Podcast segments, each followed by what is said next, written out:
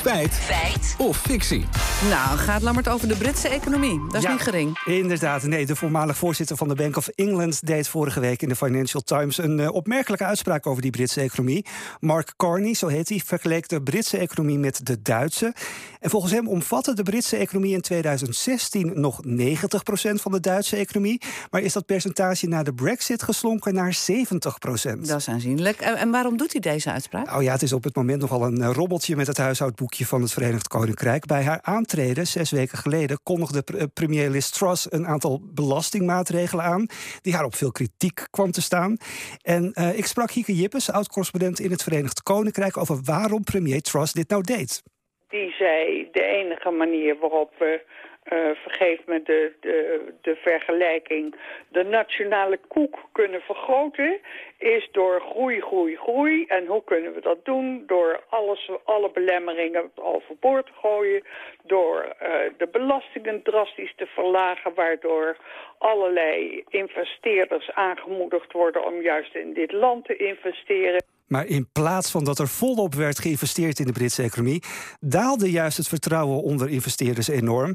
En dat vertelt eh, Bert Colijn, econoom bij de ING. Eh, daardoor is het vertrouwen onder beleggers in, eh, in het VK verminderd. Ehm, en eh, zie je dat dat eh, een verdere daling van het pond heeft, eh, eh, ervoor heeft gezorgd. En dat pensioenfondsen het lastig hebben gehad met de sterke stijgingen in de rente die de, ehm, eh, de Britse overheid moet betalen. Eh, dus er zijn flink wat uitdagingen. En daar zijn ze eigenlijk nog steeds mee bezig om die storm wat, eh, wat eh, te doen kalmeren. Ja, de belastingmaatregelen die premier Liz Truss trouwens had aangekondigd... eh, zijn vanmiddag allemaal weer teruggedraaid door haar nieuwe minister van Financiën, Jeremy Hunt. En hij heeft het energieplafond dat Truss had beloofd voor de komende twee jaar verkort tot april volgend jaar. En dat betekent dan dat de Britten het financieel niet eh, makkelijker gaan krijgen. Nee, zeker niet. Hieke Jippes vertelde me al een eh, schrijnend voorbeeld van hoe ze dat merken bij de grootste werkgever van het land, de gezondheidszorg.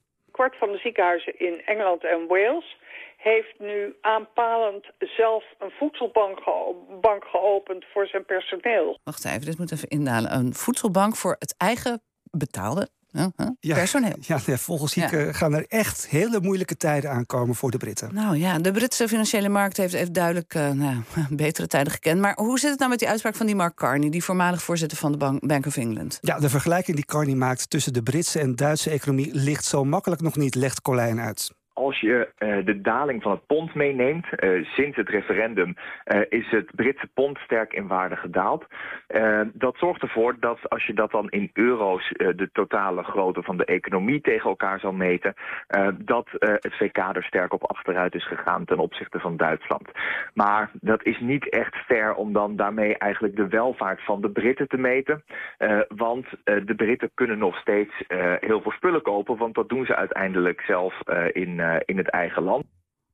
En er is volgens Colijn een betere manier om het te berekenen.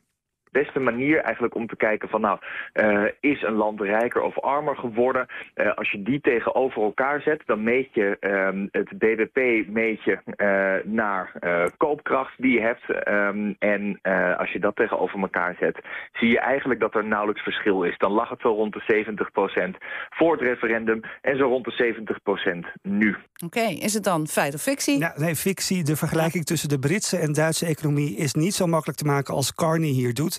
En als je die vergelijking wel goed maakt, dan is de omvang van de Britse economie dus vrijwel gelijk gebleven.